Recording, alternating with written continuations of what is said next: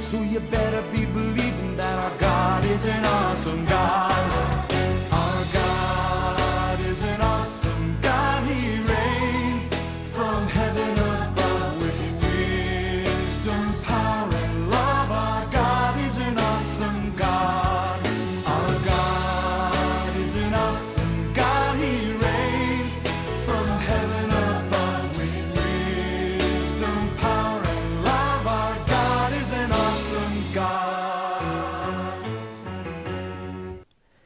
Etter deg og Josva kom et nytt atali og følge fall, og vi kunne si at falltest det var størst. Og Josva bøk så vi sier, og i dommer bøk så vi tap. Josva bøk, her så vi fralse, men dommer bøk hon talar nek om tralldom. Josva bøk tås nek om trygg, og i dommer bøk så vi nek av antrygg. Og Josva bøk så vi et anda, og i dommer bøk er det jo som at det er holde som er til roande. Jossa bøk, hon bevega seg ut i himmelska og dømmerabøkken til ut i holdslige eller til jøreska. Hette er sjálvande skarst oppsett, men glottar er i dømmerabøkken. Hauast folksins eutroskap sutja vid korsen gods gøsko og miskon. Hauast godlig at fudjendan fyrir til fyrir sleppa kua og Israel, så hei han allugavall ikkje vrega sitt folk, og han sendu dem hjelp ta det røpte til hans herre og vende vi fra endo løyen søgnet. Fudgjenden tja falskjegods er den samme i det som har vært døven Josva. Halte, heimeren og Satan.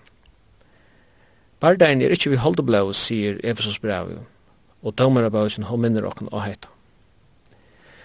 Vopnene som dømerne nøyta, tei tidsast ofta løyen da jeg vil lesa bausen. Samgar domare fælde 600 filistarar vi pujkastavun. Vi sykjar her i Gideons han nøytte krukker vid kjennelån, og Samson han fælde tusen manns vi en esel tjolkabain. Til tjei frafall i bautjen. Hverja fyr kom fudjendar og kua og falsk. Men vi sykja æsni at god hverja fyr vakti opp domarar som ledde falsk til syr og fri. Og hverja fyr glanda deg god atter, fyr sujan er vera kua av nudjo. Det var kua under kusan i Sadajim i åtta år, god vakti upp 8 daumara, og landi eller falskje hei fri i fjördi år. Sujan blir det kua av Eglon i 18 år, god vakti upp Ehud og Samkar som domara, og falskje hei fri i forsvar. Det var så en kua av Japan og Cicero i 20 år. God vakti opp Deborah og Barak. Og falt ikke hei fri i 40 år. Så igjen var det kua av Midian i 20 år. God vakti opp Gideon. Og landi og falt ikke fikk fri i 40 år. Så sykja vi at det ble kua av mer eller mindre. God vakti opp Tåla og Jair. Og det dømte jo avvika vis 23 og 22 år. Så er det kua i atter av filistaren og ammonitten, og i Ajanar god vakt upp Jefta og Elan, og vi lesa Jefta dømte fölkje og i seks år. Så igjen er filistaren atter og kua i Israel i fjörde år, og han vakte upp Samson, som frøyde deg av hånden filistaren, og han dømte i 20 år. Pøtjen endar var eller minni og i oppløsning. Avgoda myndin tja Mika er omtale kapittel 16, Vi sutja ha krutsk, hver i alt Israel fyrir krutsk vi at Benjamins.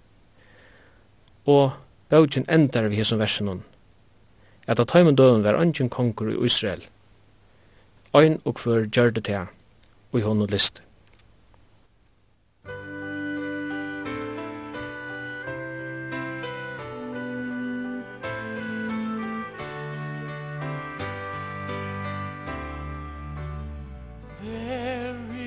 is our Redeemer Jesus, God's own Son Precious Lamb of God Messiah, Holy One. Jesus, my Redeemer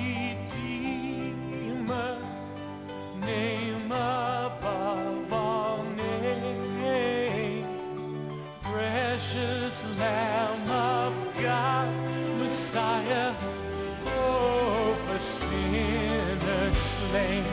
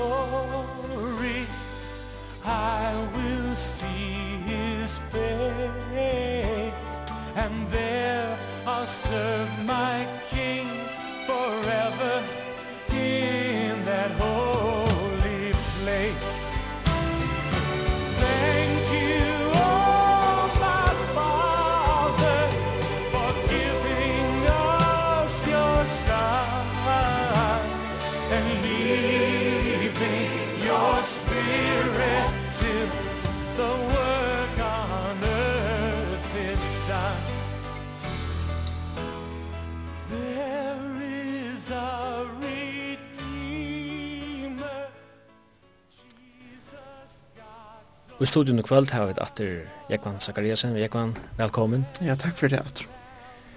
Ta i si damarabausen, hva hoksa du da? ja, jeg hoksa ikke om en domar som sitter og en sessi og slær en hemmar. Um, Såleis kan ein oppfatta domarabausen, men domar er en domar er som er omtalar her i Domarborgen i Bibelen, var en uh, politiskur leiare og en kruksmaur som bjargaði falskene fra fudgjendom. Um, vi, vi enda av senaste sending vi at lesa uh, eit av de senaste versen av Josfa bok, 31. vers i 4. kapittel, som sier Israel tant i herranon, så langt som Josfa levde, og så langt som alle hinner eldste levde, og, og så vore ta vi kom inn domar på så byrja vi langt at, at skilja at her er annerleis, henda bogen er annerleis. Josva var en bok vi en lytten falskje som sikra i og vanna landen, men ta vi kom inn domar på ikkje, så ikkje vi det folk som er åløye, som støvet er under trældomme, løying og truste fra fyrtjene synden. Og ta jeg hokk som domarbøysene, så pleier jeg at suttjana fyrir meg i, i trimon, eh, kapitel 1 til 3, eller 1 til 2 faktisk, er inngengeren til bøkene. Her sørger vi avlyttende lunke eh, til falskene. Til dømes i første kapitlet, eh, jeg halde det 21. vers, her leser vi, men jeg besitter som i Jerusalem bo, finner Benjamin ytter ikke rike borster. Og så er det en rikva vers som, eh, som sier det samme. Østers menn finner ikke rike tar borster eller rister ut, til dømes i, i 26. ørende Manasse fikk ikkje rikje der bursdur, nuttjunda, heldur ikkje reik Efraim bursdur kananittar, tredendørende Sebulon reik ikkje bostur her, ein tredendørende Aser reik ikkje bostur, atla vegin jøkken. Ta Josva i sikra landet, gav han bo om at nu er det tikkara avbyrd at vinna av tikkara egna område og at utrydda alt falskje som er her så tid kunne liva sjálfur landen. Men jeg tykker at ta ut her kommer inn i landet, har sett at nu har vi endelig finnet det som er boi etter nå i, i 40 år i øyemørsene. Ta sikkert at her sikkert nok har avgjørt og sagt, hva skal jeg, vi tøymer ikke at struja som er vi at reka det folk ikke ut. Læt dem bare livet mittlig, og så kanskje bruka det som trealer og så videre. Og et, fylgjene av tøy eh, er det som eh, sast ui, ui disse bøkene. Fyrir atter at binda det atter etter, fyrir, at knyta alt saman som vi gjerra eh, må vi for atter i målsbok. Og her minnes vi et kapittel 22 og 28. God sier, om du fylgjer mer, så skal jeg signa deg vi ætlens og signingen. Men om du vender mer bætje, om du vender deg fra mer, så skal skulle ætlens og domar komme i deg. Og det er det som vi sutja i domarbøysen. Det er domarne som god sier skulle komme i deg. Den neste parsten av, av domarbøkken som er suttje, er nemlig at det som du nevnte i åren, altså skje frafattelene. Ta er suttje til her firmer, mer, fra kapittel 3 til og vi eh, kapittel 16, ta uimyndig er det mer, mer sjål og mer som en ringgras, som en runding, som, som gonger atter og atter, og han er akkur som en fjøver, som tar kvarjan for han fyrir rundt, så fyrir han langur, langur nyer etter, som, som viser til at Israel fyrir bara gypri og gypri og sint. Og jeg pleier så ikke såles at uh, de vender seg fra gode, først og fremst, um, til sint som kommer inn i livet i kjøttanen. God sender en fremmede tjå at her tekka deg, det har vi, vi disiplin i å gjøre, og, og i neiene råpa deg til god, og til at de vender vi fra sint og synden, så en reiser god opp en domare av bjergateimen, så det er en frelsere som han sender, um, en av sin domaren, og så gjerne hava dei fri, eller sikning fra god til atter. Inntil nasta ringgrasen så atterfer, og det samme hender eh, skjefer, synd, disiplin, til venda vi, til vera frelst, og til vera sikna i, om atter, synd, og så videre. Eh, skjefer, som, som to eisne nevnte. Og, og så er det enden eh, fra 16. kapittel til 21. kapittel, som er suttje eisne, eh, til akkur som en epiloger, hver han, han sier, nu har vi tås om, han sier, han årene hver, hver domar til hun henter, la meg teka nekra mynter ur disse tøyene. Jøkne sier 300 til 400 årene, og, og her nevner han nemlig, ui, 16. ørende, eh, avkødda dyrskan, og her borgar og krutsk, og så vore det hendte tjøkken til årene, til domarne, rått. Da må lesa bare noen helt vers som jeg hadde lysa vel domare tøyna, og som, som jeg hadde ta ta hugsi um dómar tøyna so er so lusur til vel. Ætlin dør í øra kapitlet sigur ta gjørdi ussas men ta og ønt veru í eigin herrans og diska og balanar.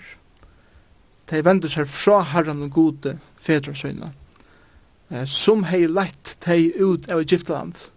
Her minnast du kanskje atra sju årene her. Eh, tei minnast, tei skulle minnast, at herren leitt tei ut av Egyptland. Og så leser vi her, og tei heldur seg til æra godar, godar tjóana og i rundan om tei bo og tilbo og teir og vreka og vakto rei herrans. Og så vi er. Tal lys domar tøyna Her er nekru domar nevntur middel anna så kjøy åttendel som er den første domaren ja Her er okkur spesielt vi åttendel Ja, åttendel han, han, han var i familie vid Kaleb. Han og Josua kom jo ut av Egyptaland. Vi vet ikke om han var badge eller om det var også nær i familjene. Det viser dere hvordan kjøtt folket vende seg fra gode til avgode.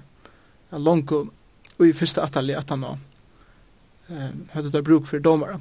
Men det som jeg kjente åttniel, som jeg aldri over, så peker er, er i tria kapitlet ørende tutsje. Her sier skrivaren av domarbøysene, Anti Herrans kom iver han, og han var domare i Israel. Det som er aldri så er utrolig avhåverst her, er det at heila i anden, hei eisne en at tæna seg i gamla testament. Til, til flere som er tåse vi, som, som halte at heila anden kom ikke faktisk, var ikke til nesten for en vi kom inn i nødja testament. Men heila i anden er en pastor av tru endene. Han er avgjør, han er onga byrjan, han er onga enda. Og, og han er versjonen vi til skaparverk, han, han som blåste liv inn i menneskene, og som, og som djevel liv. Og han kom iver åttnil til å hjelpe noen.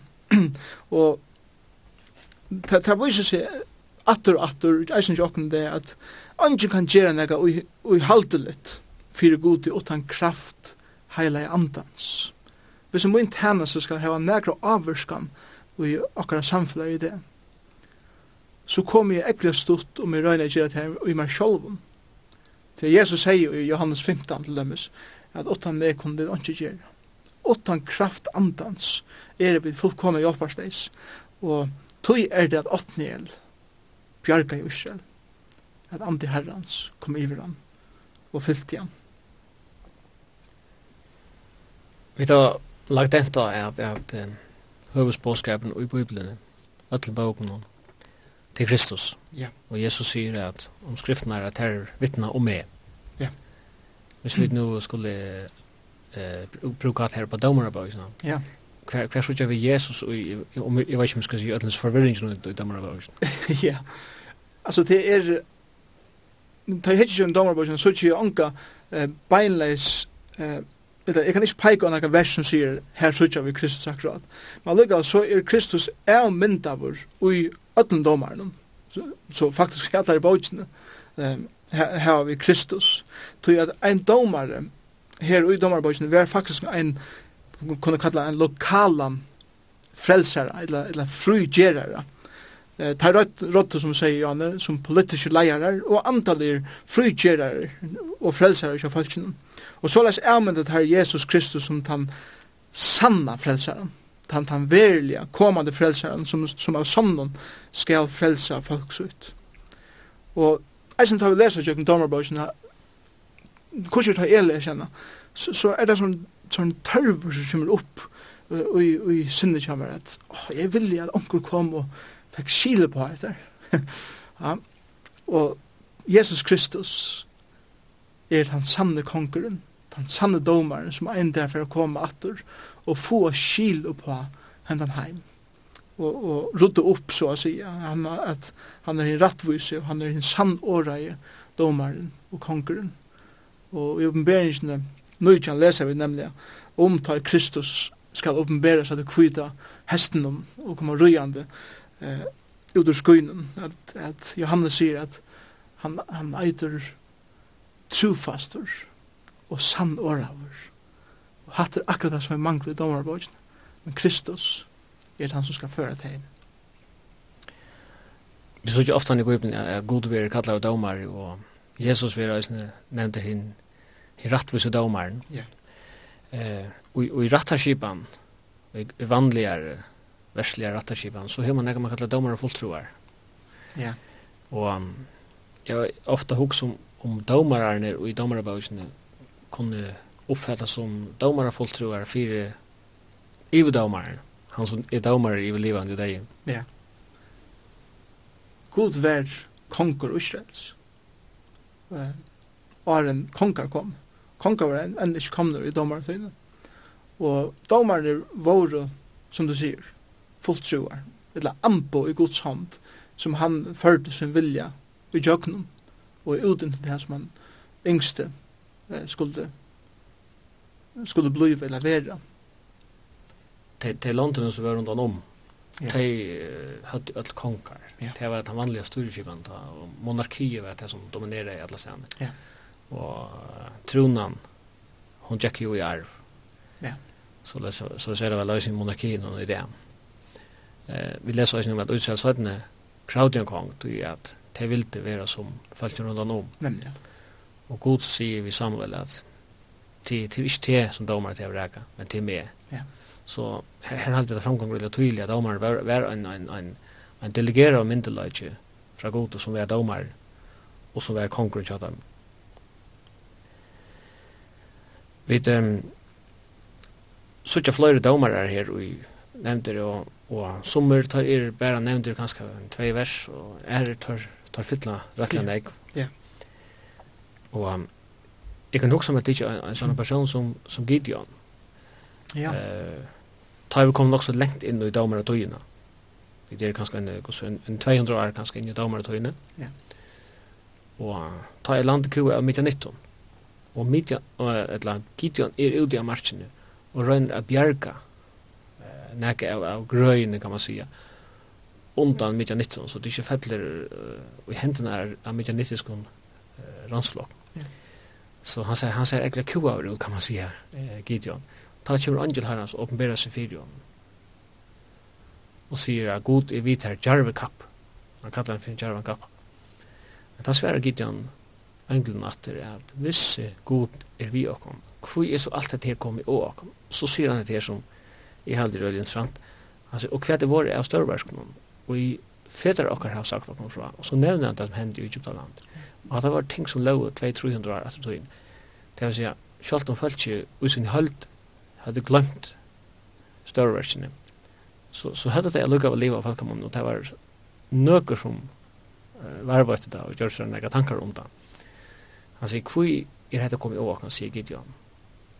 Og hva det var av størverkene det ser ut for meg som Gideon var inte til å leve på en god som, som vær, och han har brukt för en god här och nu mm. som kunne bjerga dem och angelen är svärre att det fär og i hälsa styrke tog så skal du frälsa mm. folk ut det, det ser ut som att, at, at god hever alltid några einstök som du säger en løyvd. ja, en lived som, som fylgjer honom etter og god kommer til tarra kanskje og gjerne svarar tog og, og som du säger han er ute av marsjen og røyner at bjerga senast av grøyene som, som det kanskje heva.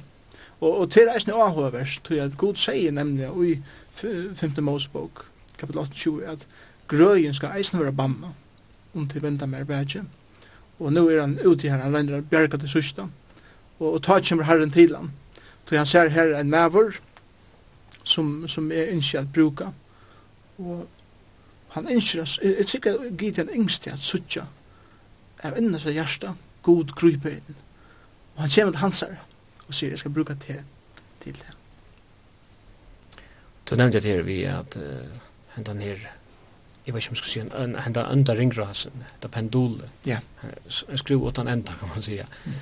Det stender i Bibelen at alt som vi skriver, vi skriver akkurat lærdom. Men det ser østene ut som søttene i tøyene, og kommer ut i dommer, eller kommer ut i kongatøyene, som jo var det i flere hundre år. Ja. Yeah at han var här han där ringrasen her, hon hon fortsetter och jag alle søver söva Israel. Det var ikke, ja. Så man kan si um, at uh, Bibelen lærer och det at menneskene har også lærer äckla lyd. Vi ändrar det akkurat äckna feiler. Det kan man gott säga. Det er så att igen. Det har vært nevnt her om uh, en domare som kallas for Jefta. Det var under filistaren, ja, at gifta seg fram. Og um, han måtte jo en døtter. Mm. Hun var øyne baden. Og han gav god til lyfte at uh, hvis jeg fær sier i filister, eller i fudgen herrens, så skal jeg offra til herren det første som kommer med dem er, da jeg kommer hjem etter. Og da jeg kommer hjem etter, så er døtter hans her ut vid, vid danser og, ja. og møter dem. Ja. Han er en løgn uh, frasøkning hva hva lærer at dere? Jeg har alltid en utrolig syrkelig søve. Og hatt er en maver som som er så stolter at at han sier at han, han, har lova goden jeg. Og som, som han ikke vet hva det er en gang. Så, så han, han gav et lyft til i Oves, kan man godt sige. Og ta, hans egna døtter som motron, han, han er sikra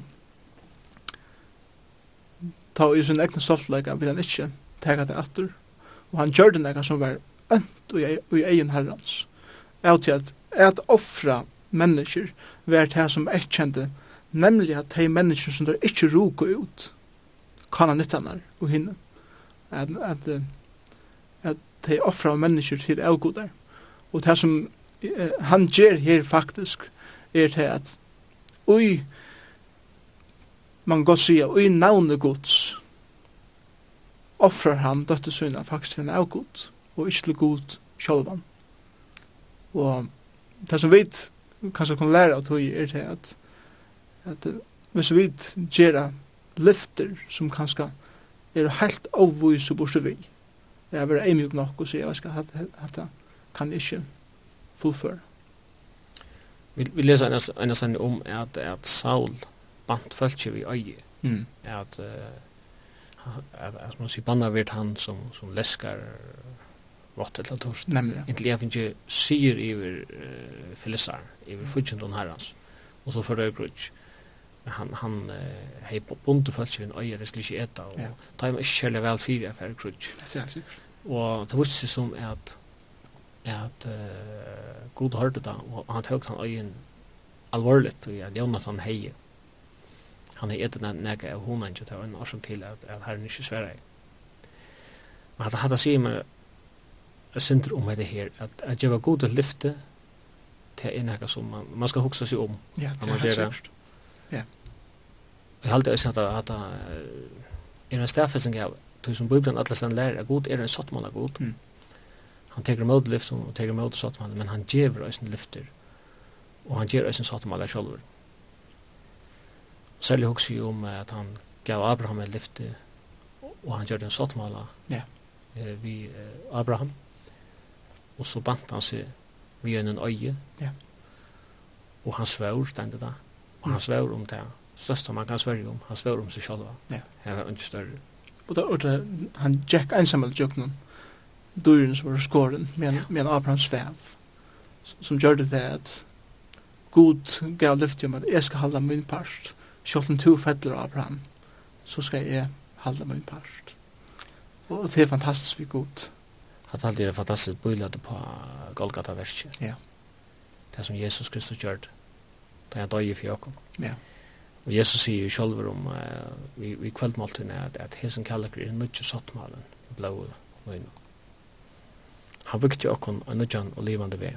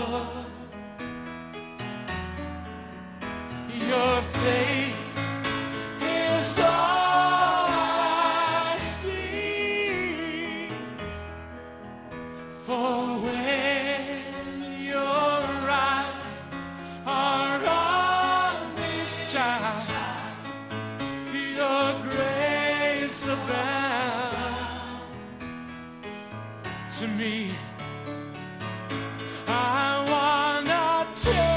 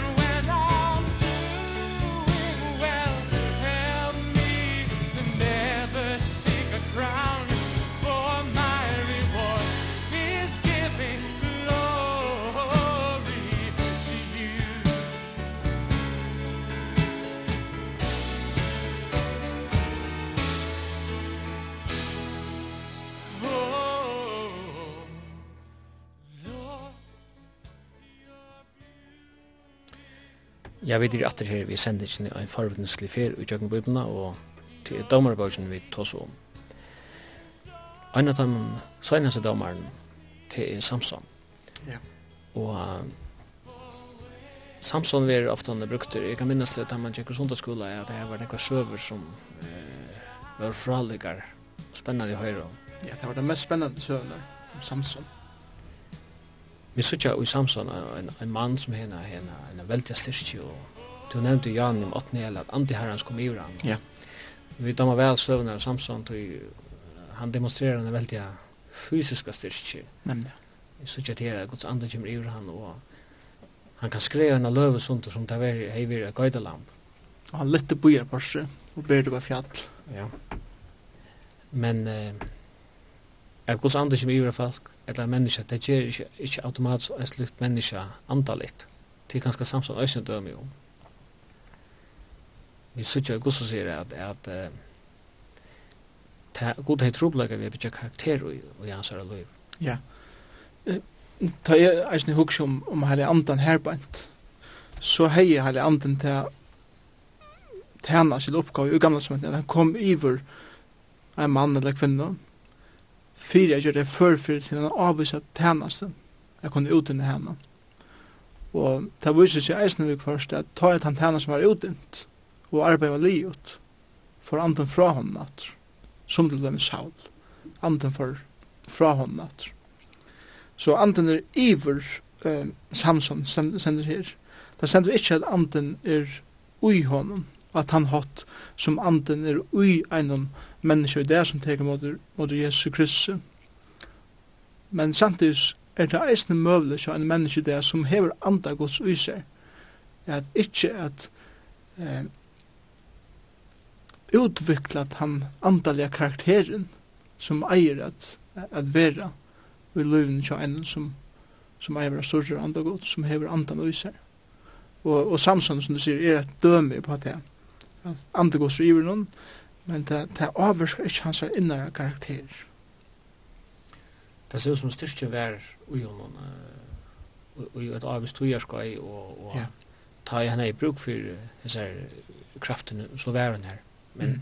inntil ena for ta i uh, hare vær, vær, som man sier, klippet av honom. Ja. Og han sier visselig, så skal det gengas med her, hesa fyr som avur. Så stendt han visste ikke herre med vi fra fra. Nei. Og hatt er ser at det har vært å lese. Mm. Man kan godt si at, at, at domaren hei gus og mist dømekraften hva er hans egna løy vi vik Og maveren som hei dømt Israel i 20 år og hei fruet hei undan hånd filister han sitter og er egen over stundin ur ja. han mister det, det dyrer bare sånn hei i sjånene mm.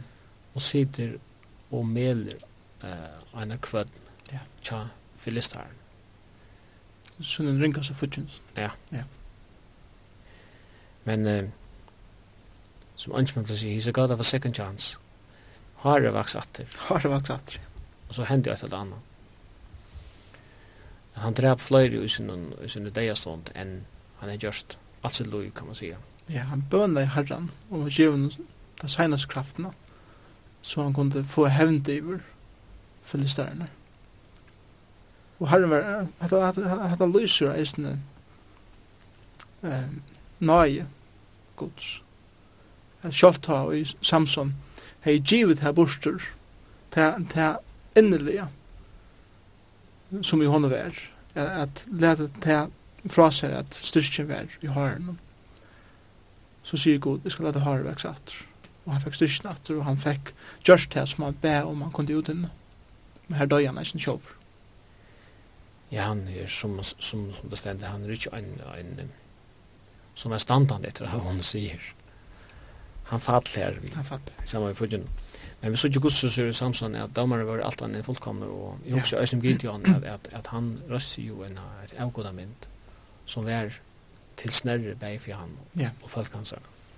Han var mer avhåver, i utkönliga hellre än, enn, att hitta upp att vi, vi tror egen av gott det er kanskje en en veiklag eller det er noe som ligger i akkurat natur er at uh, vi tar en tendens til at skulle flyta substansen fyrir akkurat trygg fra til uh, avkjønnliga og til det kjønnelige men det kjønnelige det er hangrypeligt og ja. til føler man, da føler man lukka som en her nega man kan hadla seg til og så veis men uh, skal man skal man vi gav seg suttja til avkjønnliga så er det alltid en avbjørn for trunna alltid Og det viser vi det er så bunden at vi som vi suttja. Og, og vi henger okken alltid, alltid ut her. Og jeg suttja det ofte som jeg sjolven. Hvis jeg ikke suttja nek, så er det, er det så veriligt. Og høyde du finnes jeg egen opp fire, nemlig, meire, til åkjennelige. Hvordan størst det er, hvordan go stor god er, tøyve vujkjent. Så trykker vi at uh, trygg mun hev verið fullkomliga ombrøtt, omskapa nekvann hatt. Det er jo. Det stender om Moses at han helt av. Han sier ut som en, en Moses minner meg ofte som en andalian maratonrenner. Og Hebrea bare etter sier han, han helt av som om han er seg henne og kjønnelige. Ja. Det er sikkert det som gjør honom styrkjene. Mm Men det er det som karakteren til Samson, eller, eller manglo på karakter, så husker jeg ofte om at her så stender Galaterbraun om, om, om, om avvekst andans. Ja. Og så stender nemlig om, om hva avvøkst er, at Ja, til kærleik glei fri lengme og mildeleit gøska trofeste spækfyrir frahald og møt og slukon er loven ikkje. Og her husker jeg om at ta vi tog som avvekst, så er det, er det utvortes uttrykk fyrir innvortes liv jo sunnare tre er, og jo mer næring det fer, jo bedre omstort det her, jo mer avvaksbær det. Det er det, det, det som hever vi karakterene i menneskene gjør, som utvikler det her. Ja, det, det er helt sikkert, og og det, det som er så områdende i eisen er at hva er det som gjør det innvortes eh, kraftene, som så kommer til kjønter utvortes. Det er bare en åren i Galaterbraun, tås han om, om uh, Gernd Holsens, og då er det et annat slæ, kan man godt si, av, av kraft. Og til nemlig synden og det kommer til kjenne en annan hatt. og i ötlen til, til som man, som man nevner her og hvordan området er at at skilja at det byrjar alt innanifra selv om det er andalet edla og andalet som vi kallar det som det byrjar alt innanifra og så ta, ta i det fullt innan ta kjem det til kjendar ut etter. Og tog er det så utrolig område som jeg skilja til at jeg kan ikke etkjennes av kærleika, eller glede, eller sånne frie, hvis jeg ikke hever til innanlige daglige forholdet vi Kristus. Jeg kan, jeg kan røyne at heva kærleik, jeg kan røyne at heva glede, men, men folk som er mer nær, så her hukses kan særlig om konene mine og bøttene, at hei jøkken skoa kjøtt, at hatt er ikke veriligt men ta andre gods er han som ræver i mer. Ta vera tei eisen til fyrst til jobben sko at at er verlig glei, at det er verlig kærleik, at det er verlig. Som er av altså domarne som vi sier, tar så ikke at deg og isa sjolvun, som er hørte til, til de, de fedrehusen som hadde lydja tøya, og ja. jeg halte at akkurat han var hyre. Ja, samkar. Ja, samkar vær. Var nok hyre, eisne. Jeg var hyre til jeg er i negvomentan. Ta i tog inn, det var ikke høyt i meto. Nei, det er helt sikkert. Det var det ikke. Jeg har lyst også om at jeg var galdan i nok så negvomentan og i jøk noen rattliga mange hundre år. Egyptar, til løpes, da du kom til, Israelsmenn kom til Egyptar, så jeg bygg var så, at jeg kunne jo ikke fordre hyrer. Det er litt av dem. Ja. Jeg har også lyst til å lese om at en hyre kunne ikke være en være vittne i en rattarsak. Det kom seg til at man brukte ofte en eh jeg vet ikke om jeg skulle si straffefengar eller folk som var lejsläden at han har sitt en straff og som så stad hadde, hadde vanlig utlitt for å få några starv. Det fick ju ofta en boy starv som hyre. Mm. Ja, det var avvist til at jeg vet ikke lysi omksan er at og i omkring kulturen er såleis enn i det og oppi i Himalaya-fjallet omkring stammi her har vi lyst om hvordan torførst det var tja trupåren som skulle omsida bøybna til herra mål er at omsida det året hyre til tømmes av Jesus sier er en gau i hyren og i tarra kulturen var hiren en av de ringaste bestene i i kulturen. Eh, En, en som var oavlydande, og som man omkant kunne råkna vi, og en som stjål og så videre. Og hvordan kunne de så omsida Jesus er en god i hyren, til at det skiltet hei slett ikke. Så, så vi, vi har vært her enda det, at hyrar og i imenskene kulturen, eh, kanskje hadde ikke så nekva sige, og i i menneskene sier, Og det har vi til reisen at god valde seg slik folk til at utdynna sitt verk. Vi. Den første som finge bøyen båren om at Jesus var føtter, det var nægre hirar som var ute i marsjen utanfor yeah. Bethlehem. Det er ganske lykkes sindra ironi og jeg snær. Altså, godommelig spøyse. Yeah. At han veler nægre hirar til å fortelle at han nå er godlig menneske. Det er åpenbæra seg. Som det er David David han hjelpte pappa sin at uh, passe på seien, han satt i det marsjen. Og han får herrenfra og gjøres konger og Israels. Og gjøres konger i hver ødlom rujtjen Så her, her så gjør det eisen, jeg synes jeg er ni, er god vel sært til som er løydig at høya, og gjør det nega særlig Og da David førra vidtja, bajtjana kjassar som var i herren og kjassal, så var det ytlevian og og kjipa seg hjemme til seien. Akkurat. Og så øyne om da David skulle være sal salvar til kong. Ja. Og Samuel har finnet vite at det var en av sine Israels. Men han har altså ikke finnet vite av navnet av. Så han gikk ikke i sine. Så øyne seg framfor Samuel og god sier jeg har ångene med som valgt. Og så spyr han og sier at atler, øyner etter sier og sier, men han sier det ut til seien. Akkurat. Så kom så ikke gjøre for han var kommet.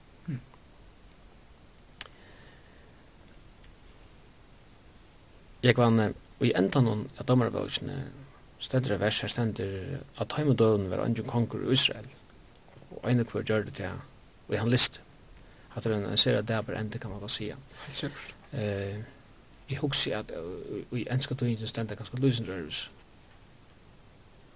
ja, det stender i enska tøyen at everyone did that which, which, which was right in their own eyes ene kvar gjør det her som var rett, vi tar egne egen, og det lyser at det er ekvelig vel. Følte som levde av domar at hui, de gjør det her som de så være rett, vi synne hoksan. Kan man si det at hver eneste var sin egne lovgjevar? De smuja var sin egne lover, ja. Ja, som de selv brukte. Ja og til det samme som lovløys. Til det samme som lovløys, ja. Og, og den hoksenraten som dere er 18 fyrir, til er, er nemlig det at det som er rett fyrir meg, er rett fyrir meg. Og det som er rett fyrir til, det er rett fyrir til. Så gjør som to vilt, og jeg gjør som jeg vil, faktisk. Det er jo også om moral og etikk, det er det. Og, og postmodernismen eller kan vi ska säga. Ja. Kan man så se vad det har några paralleller till den sista vers i Damarbögen och till akkurat det. Jag hade väl gott se att att det är simpelt en tjunda allt. Och i västra hemmen eller hemmen har alltid ju där och det eh sast mer och mer i förjun som är hitch efter och egna landen. Att eh, hos det som er rett for det. Men det er ikke rett for meg. Jeg skal gjøre det som rätt för mig ta er som samtycke lånar har bruk för någon absolut virus. Ja. Jag ser at det är ingen absoluter. Det är en absolutt frasög. og og tog kan man inte leva i en samfällighet som inte hever eh, absoluter. Ta i man fer bort fra tog at det er nekka som er absolutt, det er nekka som er givet nekka, et grundarlega som man må standa av. Så verur Østlid nemlig at det som er lust fyrir okken her ui eh, 16. og 18. og lukka til 21. kapittel, eh, det som hendi her bænt. Eh, faktisk er det verset her som du les, sista verset, eisne sagt eina fyrir avur i 16. kapittel, satta vers. Og det er akkur som at han teker dette verset ta en lyser støvn i landen fra byrjan av, og så tar han liver av lyset det, så ender tingene verset, akkur som han teker saman om, og sier hettet her som eh, er innanfyrir, kan man, kan man säga, syskelen. Eh, hvis jeg hatt her i lys filosofien tja en menneska, at det gjør det som er rett med deg neien, hette det som fyrir at et kjenna, et liv, et tjonaband, et samfella, og, og, og en heiland heila tjå. Og, og til nemlig at det er at det er avgud av dyrskan, som vi leser om i 16. kapitlet, tja, tja, tja dan etnum. At det var leser en levit til at bliva en falskan prest faktisk, som, som dyrskar avgudar. Men uh, i, i nøysen kapitlet har den en fruktelig hending, uh, som jeg hugsa meg at det ikke tog kanskje at lyse helt kjøtt og, og det som jeg ikke leggja fram her til at Bibelen smæres ikke ved å vise um, hva at menneskene er og hva den ikke er. Her er en mann som er ved heim og han fyrir inn i en boie han finner seg innevist til at det har blivit sent. Og han fyrir, kommer seg inn til, til en mann i sin boien og han er gestur under, under tætjansere. Så, så leser vi her i 9. kapittel vers 22 medan hei nu gjør seg til gåa, kommer mennene i byen, godleis menneske, som der våre, og kringsøy i huset. Tar benka og harsta dittnar og røpte av en gamla mannen, og i åtti huset. Og tar røpte og led mannen, og er kommet til til hun, komme ut her, så vi kunne få vilja okkara vi honom. Og her hugsa der om, om kinslet samfunnet vi hos mannen. Da minner om det som hendte vi, så for husen ikke lott i Sodoma. Nemlig, akkurat det samme. Men mævren i huset i åtte for ut til her og sier vi her, nei brøver min, gjer ikke slike ildkjer. Vi tar at hesen maveren nå er kommet inn tja mer. Han hoksa mer som gestablutene enn en hina sintene. Det er mykje bedre, så jeg sier, at hitje her er døtte min, som er møtj og tjakon hans her. Lad meg leia her ut, så de kunne neitega her, og gjøre vi her som de vilja. Men henda mann må det ikke bedre, så skamlig at vi. Men mennene vil ikke lust etter honom, Ta tok maveren tjakonen sina og lette henne ut av gøtene til terra og tar lovu tja henne og får ytla vi henne atla nottene lyka til morgenen og ikkje for en luste slepte tar henne. Det er helt frukkel som ganger fyrir skjer som Bibelen lyser. Og i lysningene kom kvinnan og fall neier fyrir eh, hustur mansens her som harri henne er vær. Og her var en littjande inntil jøst vær. Ta henne harri henne for opp på morgenen og let hustur henne opp eh, og gjør det til å fære sted, la kvinnan, tjakona hans her, fyrir husstøtten, eh, vi hånden av gottene. Da sier vi henne reiste, og la henne slippe henne sted. Men han fikk ikke svær, kui, til ha deg, ha deg. Så lytte han opp, og esli og far heim til sin kjøls. Lås oss høydes ned. Men da han kom heim, tog han knuiv, tog tjakona søgna, skær han og sundre tølparstar, li fyrir li, og sendte stykken om i ötlen Íslands land. Og hvert han i hetta sa sier, slukt hever ikkje hent, og slukt er ikkje satt, lyka fra til deg og Íslands menn for i ut av Egyptaland, og lyka til hentan det. Og hetta er faktisk det som lyser, det som det fører til, at om jeg gjør det som jeg halde være rett om min egna egen, det så blir det ikke grunderlig som jeg kan bytja nek av, og til akkurat det som det fører til. Og et av raksarråpen man hører nek det at det er det her, if it feels good, do it. Ja. At det ganske det samme. Helt sikkert, ja. Jeg har også med det her om at hvis man hever hessa filosofierna, at man bare gjør det som man føler rett, uh, så er man ikke et menneske mer, så, så minner det mer om, om, om djørene som, som livet sin instinkt. Ja. Ja, jeg kommer huske det om, om man vil søve Hver, hver en bil som stekker via, ljøs, via ljøskryss, og bilen som stekker etter så er klistermerkje av, av kufhengarna som bilen fremme Og her står nemlig at her, if it, feel, if it feels good, do it. Om det føles godt, så gjør det. Og han kunne ikke lade være. Han rente opp i reven av bilen. og med fremme kom jo øyene ut, spurte hvordan han bilt seg innan rene på reven av seg. Og han sverger bare, det føltes godt. Og så maleser.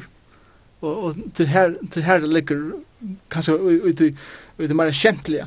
Men postmodernisme, det som det er verdig er, er, er til at det sier at det er ungen absolutter sannleikje som vi kunne grunda nega av. Og av til det er ikke nega absolutter, så er heller ikke mening i livet. Og av til det er ikke mening i livet, så er heller ikke visse om nega. Og dette, dette gjør nemlig at det eh, at vi vet ikke hver vi er og i okkara løyve, og vi vet ikke hver vi kommer fra, og vi vet ikke hver vi fer. Tog er alt for kommende meningsløst, og djungleloven ræver. Og hvis man fer å vite til at man er et dyr, så er det så nærliggjande at man oppfører som et dyr. Ja. Man kan godt si at det er tog bøyene til etiske og moralske regler som er absolutter og som man kanskje allar allar atter og allar mentan hava yeah. hava gott av å læra. Jeg, jeg, jeg leser en hending eller, eller faktisk jeg hørte en hending det var Rabbi Zachariah en, en øyla kjent og hemskjentur um, kristen filosof. Jeg har hørt han ena for Randers från John Fimfors. Og så sier han nere i Predikar. Ja. Jeg halte han inndar. Han er där, ja. Jeg hørte han i Amsterdam i sommar. Han fortalte, han tog seg om postmodernisme og han til løsfilosofina. Og han sier at han tog seg av en av de, en av de største universiteten i England. Og han tog seg nemlig om at her at hvis vi skulle leve djungellovene, så kan du ikke si vi med hva det skreft og hva det er rett.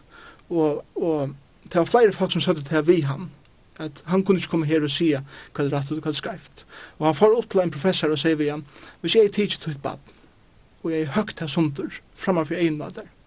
Så jeg tror ikke kunne sagt vi med at det som jeg gjør det er moralst skreift. Og det som professoren, og det var det som sjokkerer han, han, han hukte han løte nyer, og så sverre han, jeg må avsanna at jeg ikke kunne sagt at det som du gjør det var skreift, men det er skår mye hjertet. Hatt det var sverre som han gav om sitt egna. Og vi har hatt det her som postmodernisme fører til. Vi har hatt det her som, som det fører til at vi gjør det her som akkurat egne lister eh, vil gjøre. Så er hatt det urslitt. Urslitt er kaos. Urslitt er jungleloven. Urslitt er det at vi skriver hver annan sunder for at ivliva sjolv til knappt dette meningsleisa løyve er ivesteg. Men hatt det er det her som domarbøysen lyser at såles er det ikke hatt er et liv utan god. Og Bibelen viser okkom at, at god er en god som hever givet okkom en absolutt nega a standa av. Og, og at det er en meining, at det er sannleik, at det er en vissa ved liven. Og, og, og at det er, som jeg kallar fyrir eh, kløver og tenn loven, kan man skreipa på andre sånter det er ikke en bibelsk lov. Og Bibelen er så utrolig relevant for okken føringar ved det. Og tog er det så området for meg og, og for okken at vi viser menneskene hva Bibelen eh, lærer.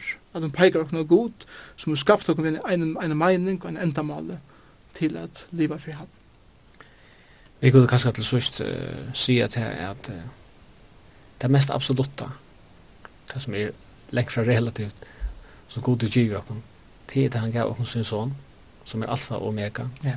Som vi är framan undan ödlån som vi er alltid som är opphavet och änden. Mm. Och som Johannes säger om i första kapitlet at alt er vår till vid honom och åt han er är vår til, at du som till er. Mm. Hatt er, hatt er hevja lengt iver allt det som er relativitetsteori och postmodernisme. Ja. Jeg kan vi for å si takk for at du vil komme her i kveld. Takk for selv. Thank you.